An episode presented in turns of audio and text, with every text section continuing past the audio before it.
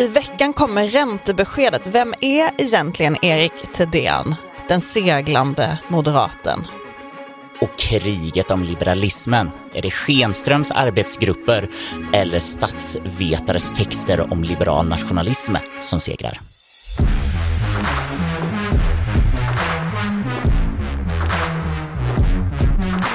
Det här är politiken med Maggie Strömberg och inte minst Torbjörn Nilsson. Och Henrik Torehammar.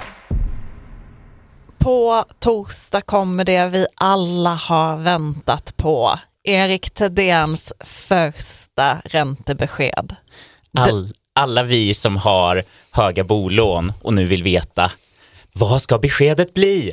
Han är ju den nya riksbankschefen och det har ju sedan han utnämndes i juni spekul spekulerats mycket kring vad han är för typ, om han är en hök eller en duva, om han gillar höga räntor eller låga räntor. Det har liksom varit en gåta. Är du hök, duva eller som Lagarde, uggla? Nej, det, jag tror vi gör så här att eh, journalisterna får, eh, och andra bedömare får efter ett halvår på min post försöka ge mig en fågeltitel. Och samtidigt har vi sett hur räntan har gått från 0 till 2,5 procent. Och nu tänker man sig, spekulationerna är ju att den kommer höjas ytterligare på torsdag. Men är, hur mycket tänker folk att den ska höjas med? 0,5 är väl den vanligaste gissningen.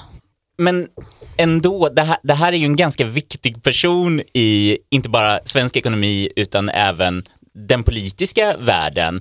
Vem är Erik Thedéen? Ja, men han är ju kanske mest känd för att han nu har varit chef för Finansinspektionen de senaste sju åren. För en del i alla fall. För andra, kanske för våra lyssnare, mest känd som eh, statssekreterare åt eh, Peter Norman, finansmarknadsminister i alliansregeringen. Det vill säga någonstans moderatstämplad då, även om ingen av dem hade moderat bakgrund när de tillträdde. Eh, och han gick också direkt därifrån till ett eh, jobb inom eh, arbetarrörelsen, alltså till ett, eh, han började jobba för Folksam delägda pensionsbolaget KPA. Så att, ehm, lite av varje. En politisk enigma, Ja. fast ändå moderat. Alltså är man statssekreterare så är man statssekreterare, det är ett politiskt jobb. Så är det. Eh, och det, han eh, har dessförinnan gått liksom fram och tillbaka i, eh, mellan eh, liksom det offentliga statliga eh, myndighetsvärlden och privata bankvärlden. Jag, lä, jag har tjuvläst ett porträtt på honom som kommer komma i Svenska Dagbladet snart och eh, där är Peter Norman också intervjuad. Och, så, och han säger att framförallt så är Erik Thedéen en person som vill samhället väl och som verkligen tror att han kan förändra. Och det här är Och han exemplifierar detta med att han är segling, seglingslärare för barn på sommarlovet. För det är det mest utmanande man kan vara då. Nej, Och men man- det är otroligt gott. Alltså, det är liksom, ja, Alltså det finns väl två människa. saker här. Dels så tänker man, vad de menar Peter Norman att tidigare riksbankschefer inte varit intresserade av samhällets bästa. Eh, om det nu är det som måste lyftas fram. Och det andra är väl, finns det inte en liten känsla av att den här ekonomsfären från vilken riksbankschefer kan tas har ett säreget fritidsliv som kan ha klasskonnotationer. Jag tänkte säga, finns det något mer moderatstämpel än inte bara att jag seglar själv, jag vill lära fler människor att segla. Han har- hade sommarhus på Muskö när han växte upp. Så att han, eh, det, det är därifrån seglingsintresset kommer. Men, Det är ju ehm, det enda jag kan egentligen om Erik Thedéen. Att han är son till Torbjörn Thedéen. Och vem är Torbjörn Thedéen? Torbjörn Thedéen var ju Okej, nu kommer det komma statistik- 30 minuter. Nej, Ja. jag håller det kort. Han var ju statistikprofessor. Mest känd för, för många, också för våra lyssnare, tror jag. Som eh, den tidiga experten i valvakorna på 80-talet. Alltså det var han som satt och kommenterade hur det gick på valnatten. Då ska jag vända mig till Torbjörn Thedéen, vår statistiker, och fråga eh, hur mycket denna först, alltså de här första valvinstmätningarna är värda. Eh, vad, hur mycket slutsatser vågar man dra på det här stadiet? Ja, man kan ju se hur, åt vilket håll vinden blåser. Det är klart att det blåser mot de socialistiska partierna, mot det socialistiska blocket och för det borgerliga. Men som det ser ut nu så ser det inte ut att räcka för ett regimskifte. Finns det matematikprofessorer nu för tiden i valvakorna? Det finns inte va? Det finns väl hans... Är Svante Linusson där? Precis, fast ibland kommer han lite efteråt, så här, Ja. bara mandatpingis och sånt där. Men är den nya då eh, Thedéen, är det Fouad Yousefi som ska stå bredvid och peka på en stor skärm? Det är mer dit vi har gått i Hade det valvakorna. funnits skärm förr i tiden, då hade han haft en skärm. Eller så tänk, ni tänker er att sonen, riksbankschefen, ska ha en skärm, en sån fin valvakeskärm när han presenterar räntebeslutet på torsdag. I alla fall så var Erik Thedéen i riksdagen förra veckan på en öppen utfrågning med finansutskottet där journalister också fick närvara. Och det här var då första tillfället där, där liksom, ja, men våra kollegor på näringsliv, de som håller på med, med, den här typen av frågor till vardags, de var väldigt lyckliga. Nu skulle man få gå dit och ställa frågor, det var spännande. Han sa absolut ingenting. Det han sa mest av allt var att allting är komplext, det går inte att förklara saker sådär enkelt. Saker, ja, saker är svårt. Men det har ju spekulerats sen han utnämndes eh, kring att han ändå är en hök och att han värnar den finansiella stabiliteten eh, väl, liksom, lite mer än vad Stefan Ingves gjorde. Att han nog gärna ser en, eh, ja, en stram räntepolitik, tror jag man säger, alltså en, en högre ränta. Men samtidigt så kanske det är för att han har varit chef på Finansinspektionen. Han kanske, inte, han kanske kommer förändras nu i sin nya roll. Det vet man inte. Alltså om man tittar på företrädaren så var ju det verkligen en person som förändrades, eller bilden av Stefan Ingves förändrades. Eh, det riktigt intressanta med Erik Thedéen tänker jag att han har fått samma skituppdrag som Muharrem Demirok har fått i Centerpartiet. Alltså att efterträda någon form av gigant eh, är inte särskilt enkelt. Ingves satt ju, alltså han utsågs 2006, Stefan Ingves. Kommer ni- då är ju ingen i den här podden ens född. Ja men ungefär, alltså det är ju en, politiskt så är ju det, det har ju passerat åtminstone två epoker sedan liksom alliansregeringens första månader när man, när, när Ingves utsågs.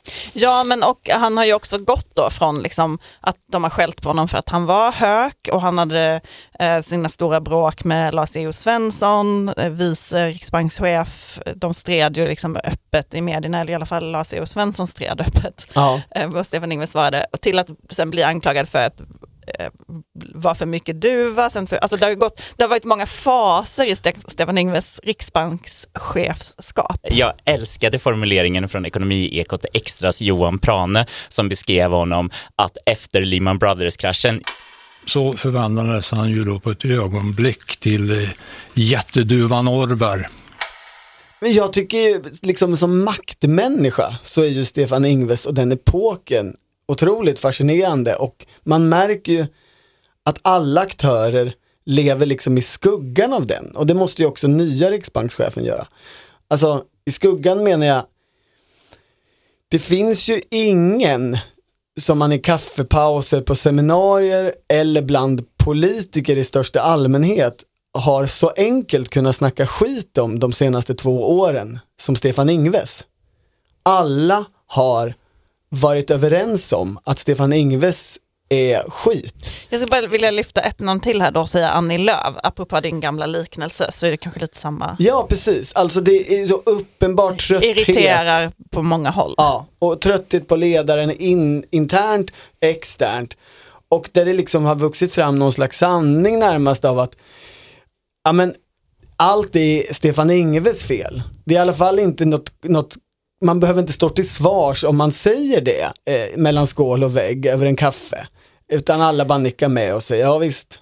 Ja, det Men gick för det- det långt, finns ju han fick massa- hålla på för länge, ja. Fast anledningen till det, förlåt Henrik, jag hör att du gärna vill vara med i den här podden, men eh, anledningen till det är väl inte bara Stefan Ingves maktspelande, utan det handlar ju också om konstruktionen där riksbanksfullmäktige ska utse riksbankschefen och Socialdemokraterna och Moderaterna har blockerat varandras kandidater.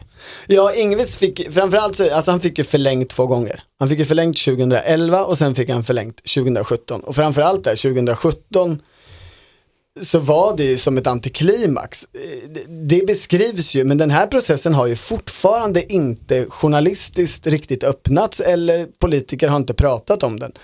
Eh, men det beskrivs ju som att det fanns ett ställningskrig mellan högersidan som ville då ha kanske Per Jansson och vänstersidan som kanske ville ha Carolina Ekholm eller Jens Henriksson. Och så kunde de inte komma överens och då landade det ner i så här, nej, då får vi väl ge gubben förlängt då. Det finns ju Igen. en in, institutionell kritik då som att, återigen, det är ju inte, oavsett om det är Thedéen eller Ingves, en person som bestämmer räntan i Sverige, utan det är ju det kollektiva beslutsfattandet. Och då finns det Av de som, direktionen. Ja, och, och, och, eh, men hur, om, om man ska titta på så här, om en kritik är att eh, den svenska riksbanken, den är väldigt seg. Alla står ut på och skriker så här, höj räntan, höj räntan, eller sänk räntan, sänk räntan. Åh, varför är riksbanken så oerhört seg? Då är ju tanken att, ja men just det där eh, kollektiva beslutsfattandet, det är ett problem. Och då är frågan så här, men andra länder har ju också samma kollektiva beslutsfattande. Och då eh, är det vissa som tittar på så här att det kan ju vara vilka är det som sitter med här? Om man tittar mer på USA där det kanske finns människor som har mycket närmare kopplingar till finansvärlden eller om det är som i Sverige där det är mer fokuserat på tjänstemännen. Att det kan vara en förklaring till att det går lite segare i systemet och sen så är det då en Ingves eller kanske nu Thedéen som får skället för att det går så himla långsamt. Alltså, menar du att det är tjänstemannapersoner i direktionen eller att det är tjänstemännen på Riksbanken som spelar in? Det måste väl då vara direktionen som att det är man mer menar. liksom, eh, myndighetsteknokratpersoner där än folk som kommer från Någon- något flashigt. Nå- Något på fräckt appföretag som bara så här, men vadå, de snackar ju alltså på en TikTok här så såg jag ju typ att vi måste sänka räntan skitmycket, hallå, nu kör vi. Eh, Mm. Som det kanske är i USA. Kanske är det också därför, tänker jag, att man inte kommer få svar den här veckan på om, om Thedéen är hök eller duva, för att han nog, eh, jag kollade detta med vår makroexpert här på tidningen som sa att nej, men han kommer nog eh, liksom rätta in sig lite i ledet och liksom följa det som har sagts. Så det är, inte, det är inte nu han kommer sätta sin stora prägel, är väl spekulationen. Men det man kan säga är att det finns ju ett väldigt högt tryck utifrån att inte höja räntan, även om många förväntar sig att man ska göra det, så har ju både LO och Svenskt Näringsliv gått ut och sagt att man inte ska göra det. Eh, storbankernas chefsekonomer har varit ute och, och varnat, alltså det finns ju en, någon slags allmän debatt kring att det är fel att höja räntan just nu. Ja, de har ju, det, i någon slags Saltsjöbadsanda så har man ju verkligen höjt insatserna för Thedéen att så att säga ta ett beslut som går emot det. Eh, och det där är ju spännande i sig för att, alltså vad är överhuvudtaget opinionsbildningen kring räntenivån i Sverige?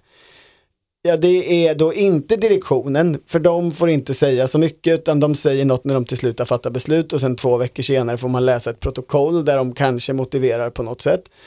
Ja, det är inte heller politikerna som har tillsatt direktionen, utan för de är ju aldrig ute och säger någonting om penningpolitik överhuvudtaget. För det tänker de att det kan de inte eftersom det ska vara en fristående riksbank. Men här har ju liksom alla stora aktörer som också har sina politiska förgreningar, alltså LO, Svenskt Näringsliv. Eh, de är minsann ute och kan prata hur öppet som helst. Från någon slags väljarperspektiv så är det där ganska svårorienterat.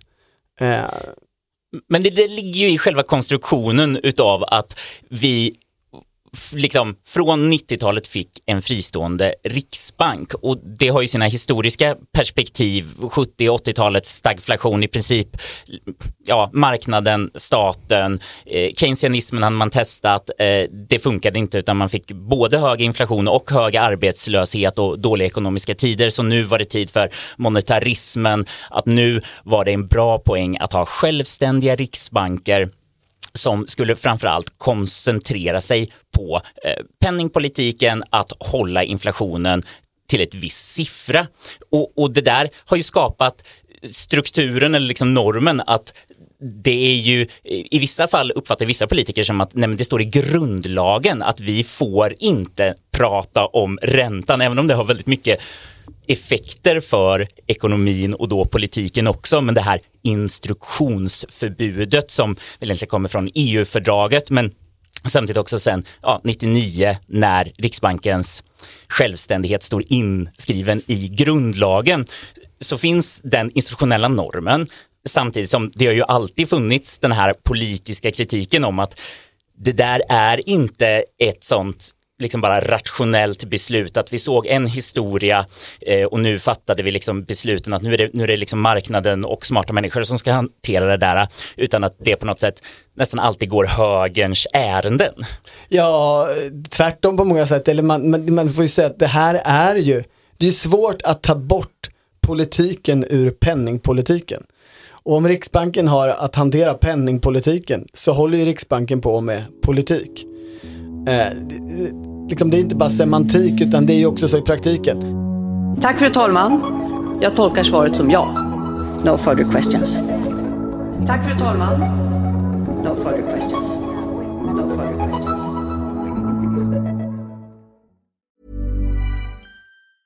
Getting engaged is a moment worth cherishing. A one-of-a-kind ring that you design at Blue Nile can help your love sparkle. Just choose your diamond and setting. When you've found the one, you'll get it delivered right to your door. Finding the right engagement ring can be nerve wracking. At Blue Nile, you'll have the expert guidance needed and a diamond guarantee that ensures you're getting the highest quality at the best price. Cherish all of life's moments and save up to 30% at BlueNile.com. That's BlueNile.com. Svenska politikerna har ju successivt gjort utvärderingar av Riksbanken under Ingves tid och även innan. Eh, jag tror 2015 eller något sånt där så kom det en rapport som skrevs av mannen med det fantastiska namnet Sir Mervyn King, Baron King of Lothbury, tidigare eh, riksbankschef i Storbritannien. Alltså de är bra på att ge titlar ja, i det, det landet. De. Eh, och i den här, det var ju, den, den behandlade epoken eh, där det var bråk, Ingves mot Lars EO bara det språket som är i den rapporten om majoriteten, alltså Ingves gäng, mot minoriteten, Lars Eos gäng. När man läser det eh, med lite politiska ögon så låter det precis som, alltså majoriteten i ett parlament, minoriteten, de behandlar varandra lika. De liksom slåss och slåss och slåss tills de överhuvudtaget inte kan prata med varandra längre. Det är egentligen två partier. Men handlar det direktionen under de åren bevakningen av Riksbanken under de åren var ju också otroligt spännande och man gjorde listor på så här, eh, vem är hökast och vem är mest duva, vem har bytt sida och ja. nu liksom, de här protokollen var liksom det mest spännande som så, så i praktiken så, så, är det ju liksom... Vad tråkigt i politiken på den tiden kanske? Uh, nej, det, det händer ju roliga saker i politiken också. Men i alltså, den övriga politiken, jag, jag vill ju så att säga inte frångå premissen att eh, penningpolitik är politik. Och eh, Mervyn King har också en slutsats och den är att han tycker i den här rapporten att det ska vara politikerna, alltså riksdagen, som ska sätta målet för inflationen. Eh, och, och, det ledde sen, den här, hans rapport ledde så småningom till att det sattes igång ett arbete med en ny riksbankslag. Den eh, trädde i kraft i januari i år där försvann Mervyn Kings idé om att det skulle vara politikerna som, satt, som siffersatte inflationsmålet. Men det aktualiserade ändå hela den här diskussionen. Och även om det då inte blev stora förändringar i den här nya lagen så är det ju någonting fascinerande om man tittar på att en del av politiker verkligen använder det där instruktionsförbudet och säger jag får inte kommentera räntan. För det är ju svårt att, att se liksom lagstiftarens intention i. Lagstiftarens intention är ju att politiker, alltså riksbanksfullmäktige, ska tillsätta en direktion. Där har ju politikerna makten. Alltså politikerna har makten att tillsätta riksbankschef. Då, då bör det rimligen föregå av någon slags debatt eller offentlig diskussion. Men vi har ju fortfarande inte hört några politiker av dem som har utnämnt Erik Thedéen egentligen berätta om varför Erik Thedéen är en mer lämplig kandidat än kandidat X eller Z. Och vad, vad som är hans styrkor och vad som är hans svagheter och vad man tänker om den ränta den räntepolitik som har förts över åren. Nej, och, men det är väl återigen grundat i de historiska erfarenheterna som liksom 70-80-talet och så kom 90-talskrisen att man kände nu att nej men när, sen vi slog in på den här vägen så har det funkat mycket bättre för att om vi ska vara ärliga, vi politiker kunde inte hantera det här med ränta för att så fort vi såg så här, åh, nu är det bra att liksom sänka räntan, eh, då gjorde vi det hela tiden. Vi, vi liksom kunde inte, eh, vad är det, det här uttrycket med the punch bowl som man tar fram och eh, liksom politikerns tanke är bara så här, det är roligt att folk har jobb hela tiden. Det är roligt med att ekonomin drar igång hela tiden. Det är kul att vinna val. Ja, Jo, det är kul att ha frågan pengar i statskassan. här är väl inte, och det här säger ju inte Mervyn King i sin rapport, men frågan är om det inte är den klassiska svenska så här, man drar, pendeln går till sin spets. Eh, Okej, politiker ska inte sköta räntepolitiken, alltså får de inte ens prata om det. Nej, men, Eller det väljer inte- att inte prata om det. Jag bara tänker på hur Niklas Wykman sen han blev finansmarknadsminister också har pratat om amorteringskravet. Att han hela tiden har sagt så här, ja, eh, jag har möte med Finansinspektionen, jag har haft möjlighet att ställa frågor till Finansinspektionen där han liksom han skulle ju kunna välja en mycket mer offensiv linje där han säger ja, som vi, vi i regeringen skulle kunna uppdra Finansinspektionen att göra si och så. Istället så lägger han sig liksom, Ganska platt. ja, under. Jag pratade med en person som var med i det här arbetet kring den nya riksbankslagen. Och den personen beskrev ju instruktionsförbudet och att man inte vill prata om det här ungefär så. Jo men vadå, om man är politiker och har en möjlighet att slippa prata om någonting. Det är klart man tar den möjligheten att slippa ta ansvar, slippa behöva ha, liksom, ta en position i den här frågan. Alltså riksbanksfullmäktige, som ju ändå är den politiska institutionen här, den folkvalda institutionen. Det är ju den mest anonyma av alla politiska församlingar vi har. Jag, jag tror väldigt få skulle kunna räkna upp vilka som sitter där. Jag tänkte säga att vadå, vi har väl väldigt många politiska församlingar i Sverige som är väldigt anonyma. Alla kyrkofullmäktige, Okej. regioner etc. De Så kan att- eventuellt ha mindre makt. parlamentariska församling. Eh, Kan också ha mindre makt än det här. Delegation. Eh, eh, Okej, okay. sätt i relation till inflytande. Titta här. Bo Broman, Thomas Eneroth, Susanne Ackum, Martin Kinnunen, Anneli Karlsson, Hans Birger Ekström, Hans Hoff, Mattias Karlsson, Jonas Jakobsson Görtler, Emma Lennartsson och Mats Odell. Det är de ordinarie ledamöterna i Sveriges riksbanksfullmäktige. De, det är hur spännande som helst. Till, alltså till, en, till en början så finns det inga centerpartister längre. De är bara suppleanter. Det finns inga vänsterpartister, miljöpartister heller. Inga liberaler. Här är ju tre partier helt dominerande varav ett är SD. Sverigedemokraterna har ordförandeposten i den här församlingen. Och ordförande och vice ordförande sitter ju med på direktionens möte och är väl egentligen de som är riktigt tunga. Ja. Och kanske ännu viktigare, få gå på Nobelfesten. Så Ja, en Sverigedemokrat fick gå på Nobelfesten. Det var kulturkriget då i alla fall. Vi fortsätter. Men, men eh, och jag, när Bo Broman fick, fick, blev intervjuad när han fick, eh, eller blev ordförande, så sa han att eh, jo, men, han har ju suttit i, i fullmäktige innan men hade inte så mycket koll för det var mest ordförande och vice ordförande som var med på allting. Eh, och också de som brukade sköta utnämningarna. Eh, och sen så sa han att men nu kanske man bör göra om det eftersom det är tre stora partier. Så han öppnade generöst för att även Moderaterna kanske skulle kunna få vara med framöver. Att det inte bara skulle vara han och Thomas Eneroth utan även Moderat kan få vara med. Nej, men det där, det, de uttalanden han gjorde där är ju spännande i sig. För eftersom det här är så journalistiskt underbevakat så är det ju fortfarande oklart hur egentligen beslutsfattande i praktiken funkar här. Men han antyder ju det som många har tänkt sig att ja, det här är socialdemokrater och moderater som ger upp och sen så går man till ett möte med, med den här församlingen och sen så blir det klart. Eh, och nu blir ju det kanske annorlunda då och det är ju väldigt spännande. Nu sitter väl dock Erik Thedéen på fem år eller vad är det? Alltså det är ett val innan. Absolut. Men Eh, förlåt, innan vi börjar önska det här liksom att, åh nu han kanske sitter på sex år. det, det var spännande att vi ska liksom politisera riksbanksfullmäktige. Eh, det ska vara mycket mer bevakning, det ska vara mycket mer personligt drama och vi ska titta på det hela. Brukar det leda till att, att politik eller liksom effektivt beslutsfattande går framåt när våra härliga kletiga ögon vänds mot dem? Kanske kan bli mer problematiskt.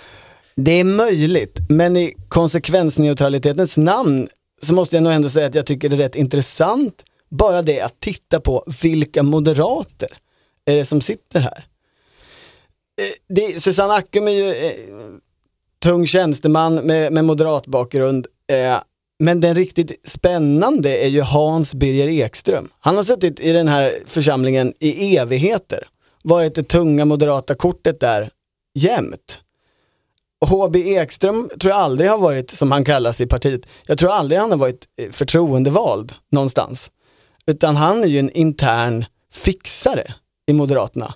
Det, alltså, han vet nog det mesta om hur saker och ting har fungerat i partiet, vem som har gjort vad, vem som har gjort bort sig på vilket sätt. Eh, en bra historieskrivare. Eh, om man, han någon gång skulle vilja berätta sanningen om Moderaterna.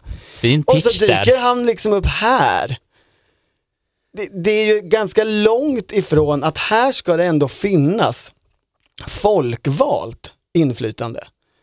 Eh, Eftersom det, är- jag, jag har aldrig sett... Är Emma Lennartsson folkvald? Precis. Magdalena Anderssons tidigare statssekreterare, även Stefan Löfvens tidigare statssekreterare. Nej, hon är ju ny i fullmäktige. Och hon har ju heller aldrig varit folkvald, utan varit fixare åt två statsministrar, socialdemokratiska. Och fått avgå. Och vad, har, vad ska hon ha för roll här? Vad tycker hon om Stefan Ingves tid som riksbankschef? Vad som har varit bra och dåligt? Hon har ju, henne, hela hennes karriär kommer ju liksom från finansdepartementet där hon varit statssekreterare och haft massa positioner. Hon har rimligen åsikter om detta. Varför får inte de åsikterna höras i någon slags offentlig debatt? Vad tycker du om minusräntan? Blev det för mycket spekulationer i aktier och i bostäder och det blir liksom ojämlikhet? Eh, Och de Snälla. där värdepappersköpen. Ja, men det finns, eh, det är ju mycket spännande att följa här Mm. framöver. Men vi kanske den största frågan är väl inte vad Thedéen kommer eh, föra fram för eh, olika räntesatser om man nu ska följa banan och vi ska tro på liksom att marknadens förutsägelser ändå ska landa rätt, utan det är ju vem ska ta över efter Thedéen på Finansinspektionen? Heter det så? Har du någon namn?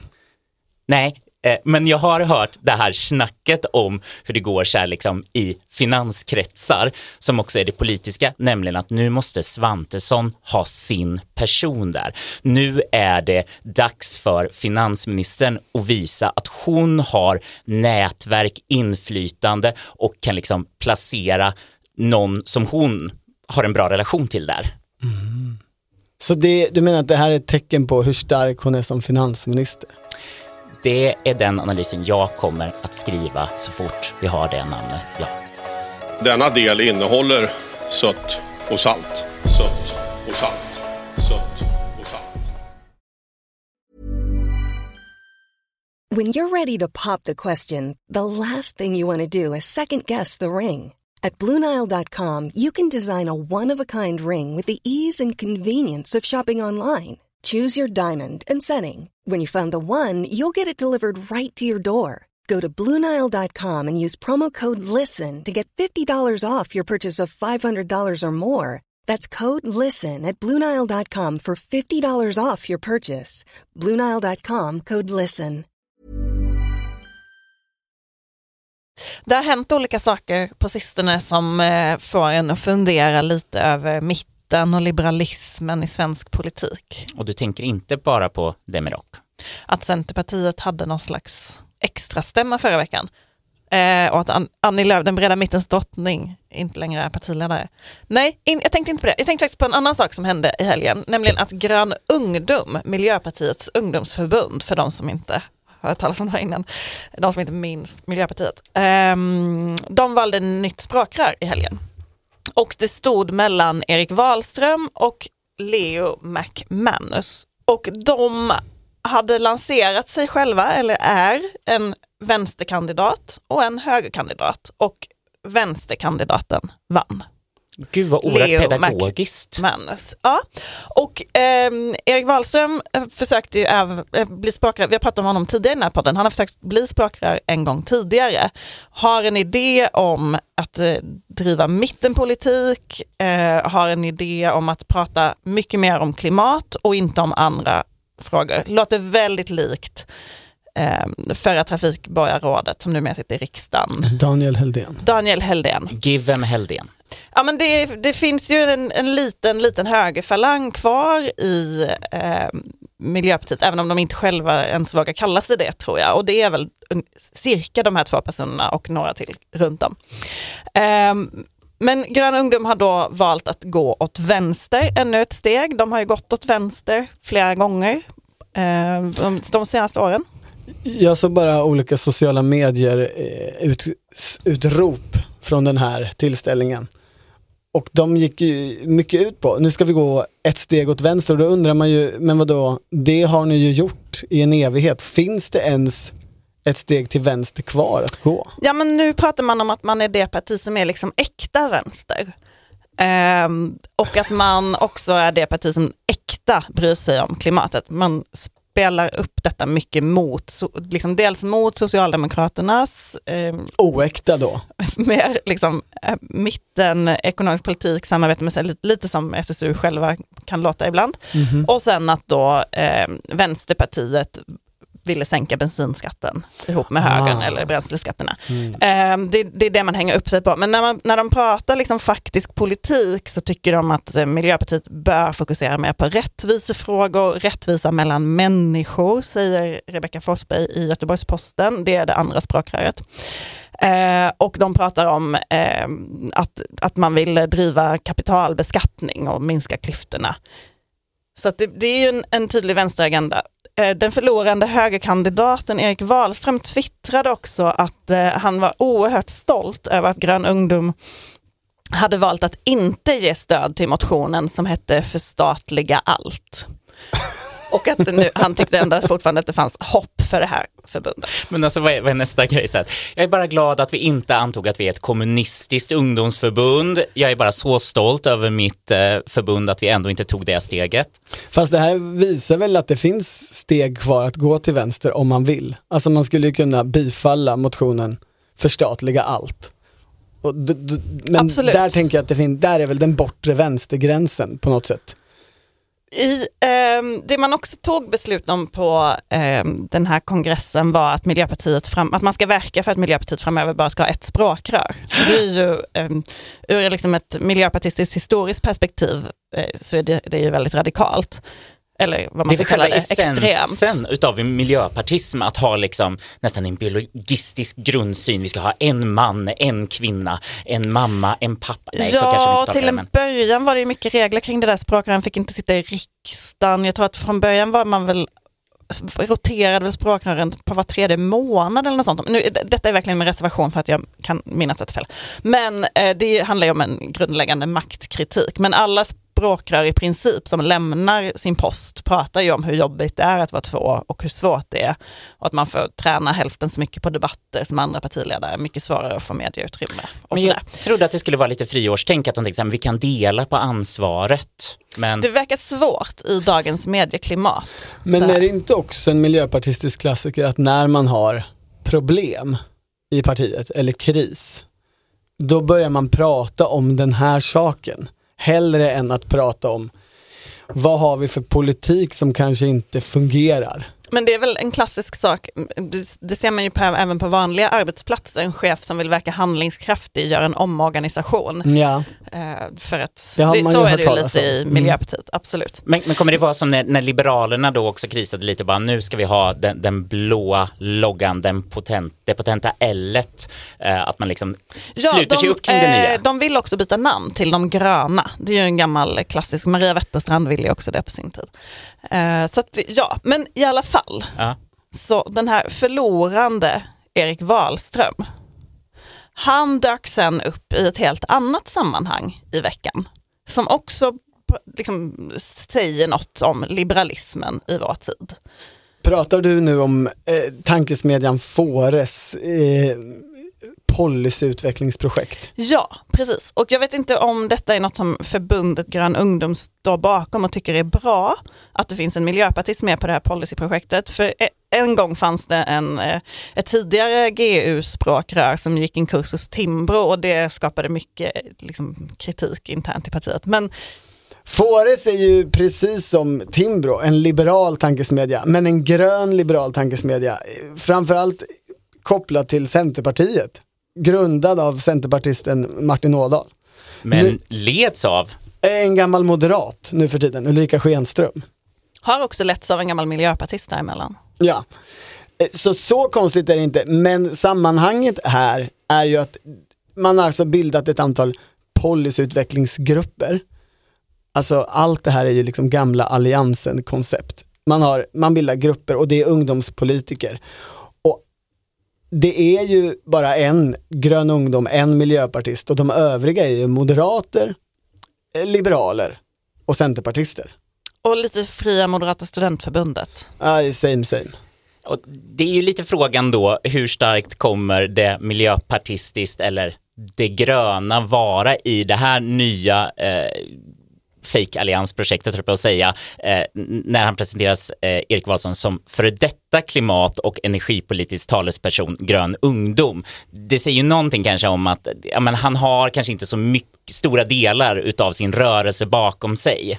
Nej men det här, det, det finns ju något i det här projektet som är, Eh, som känns som Schlingmans dröm, det som han trodde att alliansen skulle utvecklas till, där man skulle få med Miljöpartiet som ett femte alliansparti med de här moderna, progressiva cappuccino-människorna på Nytorget. Ni, alltså, ni minns hur det var innan Miljöpartiet blev Storstadsdrivet. Mm. när det var liksom det coola urbana partiet. Ja, Då, då framtiden. tänkte sig Schlingmann att liksom alliansen skulle gå i den riktningen. Och lite, alltså sen gjorde man en migrationsöverenskommelse tillsammans, man började med ett litet samarbete och sen Ja, gick det som det gick. För spännande här är ju att det inte är några kristdemokrater med. Alltså KDU är ju inte med. Och det är ju heller inga sverigedemokrater med. Nej, nej, det här är ju, alltså Ulrika Schenström som är vd på Fås, hon gör ju det här ihop med Liberal Debatt och Matilda Molander.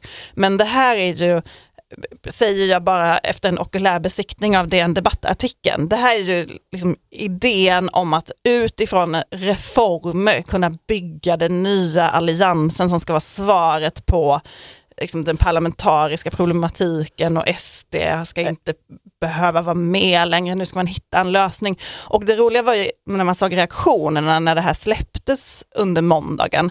Eh, människor som Amanda Sokolnitsky på Dagens Nyheters ledarredaktion, de, de tycktes nästan gråtfärdiga av lättnad. Vi har, det, det, vi har behövt det här projektet så länge, äntligen. Liksom det, det behöver inte vara statiskt, det finns alternativ till den regering vi ser nu. Det här är den alternativa drömmen så att säga. Alltså när Kristerssons projekt har kraschat, som kanske de här människorna tänker sig eller hoppas, eh, då kommer den här nya generationen som inte är fostrad på eh, Benjamin Dosas och PM Nilssons Timbro, där det liksom går Sverigedemokrater ibland på utbildningar, utan de har fostrats här borta på gamla alliansledarens, kvinnans eh, lilla organisation.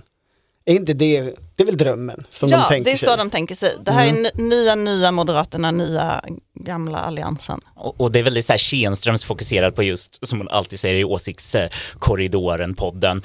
Det behövs reformer. Och så kommer inte en enda reform vara förklarad och det kommer inte vara någon liksom, reformpolitisk debatt. Att göra de strukturella långsiktiga reformerna och inte försöka lappa och laga.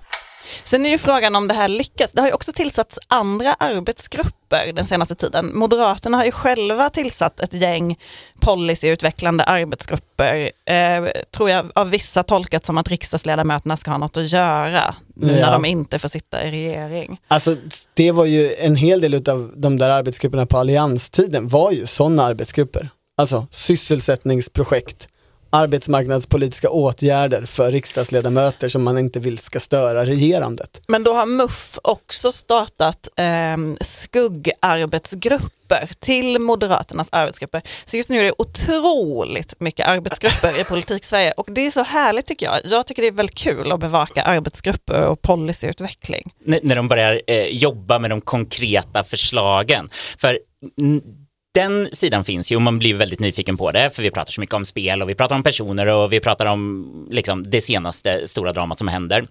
Eh, Men samtidigt så pågår ju också den här kampen om, om liberalismen. Eh, och då tycker jag det är så intressant att Matilda Molander, som jag har också bakgrund som ledarskribent på Dagens Nyheter, som eh, chef för eh, Liberal Debatt, att eh, jag försökte prata nämligen med liberalpartister, det här är ju liksom en gammal folkpartistisk tidskrift och försökte så här koppla eh, när de var ute och härjade i så här NATO-frågan om att eh, åh, man måste bryta med SD och de här människorna som är ute och bara provocerar och saker. Så tänkte så här, ja men okej, Liberal Debatt, de var ju ändå med och medpublicerade Flammans, eh, den här yttrandefrihetstävlingen om att Satirtävlingen. kränk Erdogan på ett lite mer fiffigt sätt. Och så försökte jag säga, men kan man inte då anklaga bara liberalismen för det här liberal debatt? Och då fick jag svaret, de har ingenting med oss att göra, det där är en rent centerpartistisk tidning nu för tiden. Eh, det där var ett intressant sätt att uttrycka liksom så här. Var detta på Centerstämman folk sa det här? Nej, eller? nej, det var, det, Nej. Det, det var tidigare. Ja. Eh, Men sen träffade Matilda Molander på Centerstämman. Ja. Hon är ju centerpartist. Ja, och eh, tyckte väl liksom att, haha, ja det där säger de nu för tiden eh, när de hoppar på mig. Och då är det ju intressant att se, de försöker nu samla återigen det här kanske lite nostalgiska alliansprojektet, hitta liberalismen från olika då nu politiska sidor. Eh, men samtidigt så pågår det också det andra projektet, nämligen att liberalismen ska sammanfogas med nationalismen. För det här var ju intressant eh, i avtackningen utav Annie Lööf i riksdagen. Då fick hon ju nämligen en bok utav Jimmy Åkesson. Och därför har också jag tagit med en liten bok. Eh, Och det är Björn Östbrings Nationalstaten. Jag vet inte om Annie Lööf har läst den. Eh, Undertiteln En essä om liberal nationalism och Sveriges framtid. Eh, Jag har läst den här, jag tycker den är fantastisk på många sätt och vis. Och det roliga var ju hur Björn Östbring reagerade på det här. I- Berätta. Det, det, har, jag har, mitt- det här har gått mig Ja, förbi. men jag såg att han twittrade, ja, men jag kommer inte ihåg, det var länge sedan. Han skrev till och med i eh, Dagens Nyheter att han blev liksom nästan lite ledsen för, och, så, och så skrev han så här eh, i, i DN. Målet var varken Listerlandet eller Maramö. För den stora kontrasten mellan dessa rivaler har tillåtits dominera och fördumma svensk politik i över ett decennium nu. Som ungefär att den här boken kommer till Jimmy och Annie, det kommer inte hjälpa någonting för det, han vill på något sätt återskapa en bred konsensus i mitten om den liberala nationalismen som ska vara liksom ett grundprojekt. Alltså där nationalism är något gott och liberalt. Ur, en, ur ett liberalt perspektiv gott, Ja, bort ifrån den här idén om att det är liberalism som står mot, national, mot nationalism och då har han en uppdelning här att han kallar den ena extrema sidan för liksom, den liberala universalismen och den andra sidan för den etniska nationalismen. Men däremellan finns intressant och fruktbart spektrum där liberala krafter bör verka. Och han är ute och slår lite med, eh, slår lite mot så här olika företrädare för vad han ser som den här universella liberalismen, eh, Johansson Heinö, eh, Flätan Jönsson kallar vi henne inte utan Johanna Johanna Jönsson. Centerpartiets Hon hade en gång en fläta och det fick mig-. Du kallar, minns att du i en annan podd ofta kallade henne för Flätan och fick skit för det. Ja, men också eh, Liljestrand på eh, före detta Expressens. eh, Jens. Jens. Eh, och eh, så pratar han om att så här, de här människorna, de missförstår ofta de här tänkarna, liberala tänkarna som Mills och, och Segerstedt och även Rawls. Eh, att när de här pratar om sina liberala tankar så utgår de alltid, inte bara implicit utan explicit från nationalismen, från att det behövs en nationalstat. Och att det här har liksom missats nu i någon sorts postnationalistisk era där det egentligen bara går ut och slår väldigt mycket mot nationalisterna som på något sätt företrädare för det onda. Alltså att liberalismen blir bara, globalisering är bra, det behövs ingen nationalstat, det, det behövs inga gränser egentligen. Nej, och att, att man liksom har missförstått eh, eller på något sätt inte fattar människors liksom den mänskliga naturens behov utav ibland likhet, utav någon sorts gemenskap som baseras på språk, litteratur och historiska referensramar. Och att det är först när man har den gemenskapen, det är där det går att förverkliga de liberala värdena. Så han, han var egentligen sur över hur den här boken har använts. Men överhuvudtaget, han låter ju lite mer eh, som tankesmedjan Timbro och inte så mycket som tankesmedjan Fores. Men han, jag hittade det här på, som han twittrade i samband med att Jimmy gav den där boken till Annie och han, då, där sk- la han upp ett gammalt Facebook-inlägg. Han- Han är ju statsvetare och där skrev han att som statsvetare kanske man inte ska säga vad man tycker politiskt, men att han tyckte att ett, en SML-regering var det bästa för Sverige. Han var, detta skrev han när januariavtalet kom till. Han var då emot januariavtalet som konstruktion därför att han tyckte att det förstärkte bara värderingsskalan i svensk politik som var en förlamning. Eh, han- han var väldigt skeptisk till ett underlag som innehöll både Vänsterpartiet och Centerpartiet för att de står så långt ifrån varandra i den ekonomiska politiken. Hur ska något ens kunna bli av? Mm. Och där verkade han, liksom, därför tyckte, verkade han också tycka att det var väldigt ironiskt att Jimmy gav den här boken till Annie. De här två liksom, ytterligheterna som han inte ville att svensk politik skulle handla om längre. Så egentligen har han ju kommit ut som en eh, mittens rike lover. Ja, det är inte riktigt Timbro tycker jag. Han hade inga nyheter. Hur lyckades han prata i en timme? Herregud. Herregud. Hos en del företrädare från Timbro de senaste åren så har ju det ju funnits en nyfikenhet på nationalistbegreppet och att liksom ta sig dit på olika sätt. Men det är kanske inte det som präglar den tankesmedjan idag, vad vet jag. Jag tänker att det finns ju motsvarande problematik egentligen i det här ungdomsförbundsalliansprojektet på Fores. Alltså den, den tyngsta gruppen eh, som har tillsatts, det är ju den som ska hålla på med utbildningspolitik. Där ska ju Douglas Thor sitta som är ordförande för MUF, där ska Erik Berg sitta som är ordförande för Liberala ungdomsförbundet och där ska Caroline Fonsett sitta. Och hon är ju, kandiderar nu, inte ensam, men hon anses väl vara favorit till att bli ordförande för Centerpartiets ungdomsförbund. Så tanken är att det ska vara tre ordföringar där. Jag undrar hur liksom lika de egentligen tycker om skolpolitik och utbildningspolitik. Caroline von Sett har ju varit den som med ungdomsförbundet i, in i Centerpartiet har drivit liksom vänstersvängen i syn på marknadsskola och så längst. Ja, men där finns väl också en viss kritik från den nuvarande MUF-ledningen, eller? Det gör den är det inte tydlig Men, än men går den riktigt. så långt och kan de liksom prata de överhuvudtaget samma språk? Här finns ju liksom en grundläggande fråga. Eh, hör Centerpartiets framtida skolpolitik mer hemma bland socialdemokrater? Eller hör den mer hemma bland moderater? Kommer skolfrågan som ju den nya partiledaren liksom pekat på, vad det som trycker partiet närmare ett av de här två gamla giganterna i Ja, svensk men politik. eller finns det ett politiskt mittenprojekt kring, kring, kring friskolorna och en idé om att de behöver reformeras, eller systemet?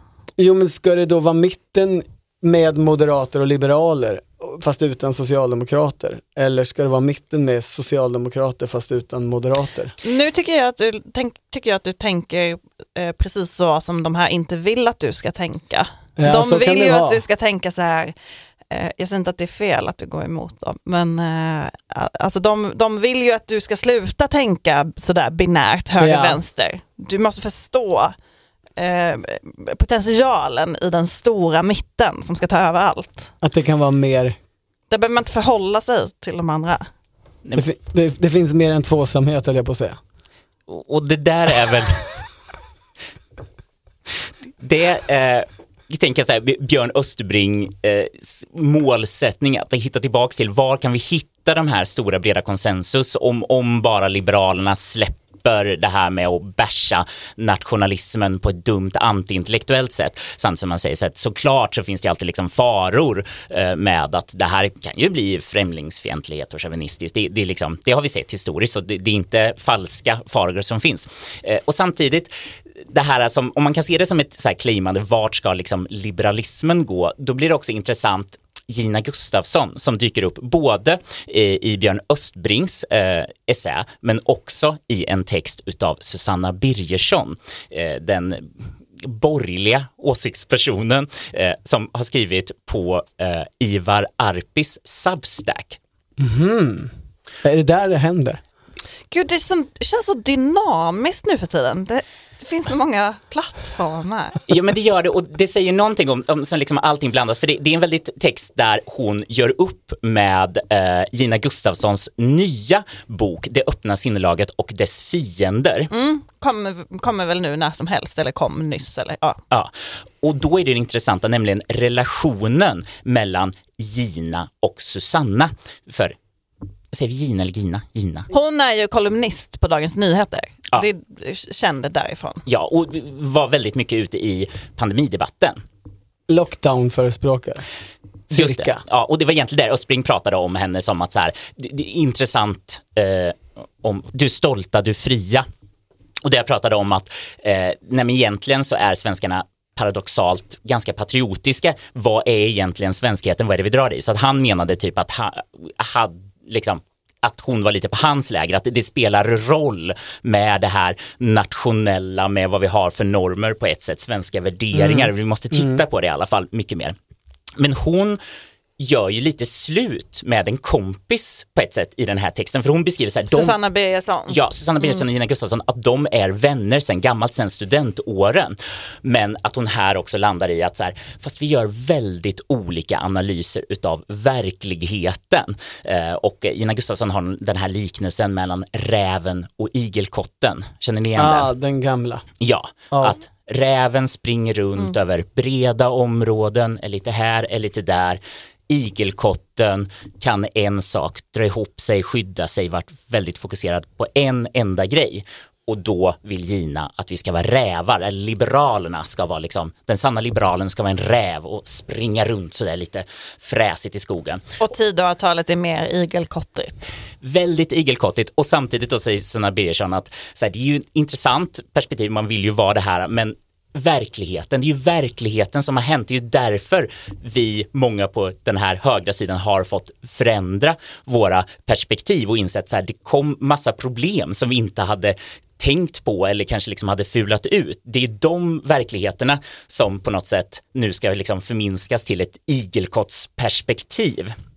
Och jag vet, det, det, det är en väldigt intellektuell eller liksom resonerande text från Susanna Birgerssons sida, men jag kan ändå inte komma ifrån det här med när kompisar gör slut. Att där blir det ju inte bara så här, mm, du säger något intressant, jag skriver någonting intressant och vi liksom samtalar i idéernas värld, utan det känns ju som att det finns personliga inte vet detta, men men det finns någonting mycket starkare där bakom som får mig att tänka på Ann Applebaum, den eh, amerikansk slash polska skribenten. Eh, som Och jag- hennes nyårsfest. Ja, när hon för hon beskriver ju just hur hon var kompisar med massa människor som hon nu säger, det här tillhör liksom den trampianska extremhögern. Hur kunde vi vara sådana kompisar på liksom slutet av 90-talet och vilja samma saker men vi hamnade på så olika platser? Att det där Ja, det, det finns väl idéer och det finns verklighet, men sen så någonstans så blir det något också personligt och svekaktigt och, och liksom geggigt som jag tänker, det här när man väl har tagit massa positioner, när man har skrikit åt varandra, du är landsförrädare eller du har gått i säng med rasister. Att sen bara säga, nu ska vi sitta här på Fores och göra lite policy tillsammans. Och bara vi har liksom lite bra, om vi bara har en tanke på hur vi ska lösa friskolornas avarter, då så kan vi liksom hitta ett nytt mittens rike. Ja men motargumentet skulle väl vara att håller man sig till reformer eller sakpolitik så är allt det här Susanna Birgerssons beef med Gina Gustafsson, den här boken om liberal nationalism, allt det är ju bara bjäfs på den höga ak- abstraktionsskalan som inte har något med riktig politik att göra. Om man ändrar, kommer överens om någonting i sakpolitik och, och kör på det, så kan man låta den där ideologiska debatten ja, Då kan Peter Norman ta på. över. Det kan hållas på på någon universitet eller på någon ledarsida eller ja, de får bjäbba på om det. Men det är då om man tror att de här policylösningarna är så oerhört starka eller är det någon som kommer komma in och bara titta så här, hmm, fast den där skrivningen om friskolan, det där kan jag göra kulturkrig av och så bråkar man och så plötsligt så har man dragit isär det som på pappret såg så konsensuikt ut. Ja, ja, dagens politik är ju inte koncentrerad kring sakpolitiska reformer, så du har ju en poäng. Jag vill att du avbryter det här, tack. Han sa att jag hade en poäng. Om man inte har fått nog av drama så kan jag tipsa om att lyssna på våra kollegors podd som släpps den här veckan. Den heter Dynastin och handlar om familjen Stenbeck och framförallt om barnen Stenbeck. Det är otroligt spännande. Bättre än 80-talsserien. Den är gjord av Jan Almgren och Adam Svanell i samarbete med produktionsbolaget Banda och den finns där poddar finns, de tre första avsnitten och de andra finns om man prenumererar på Svenska Dagbladet. Man kan också gå in på svd.se dynastin.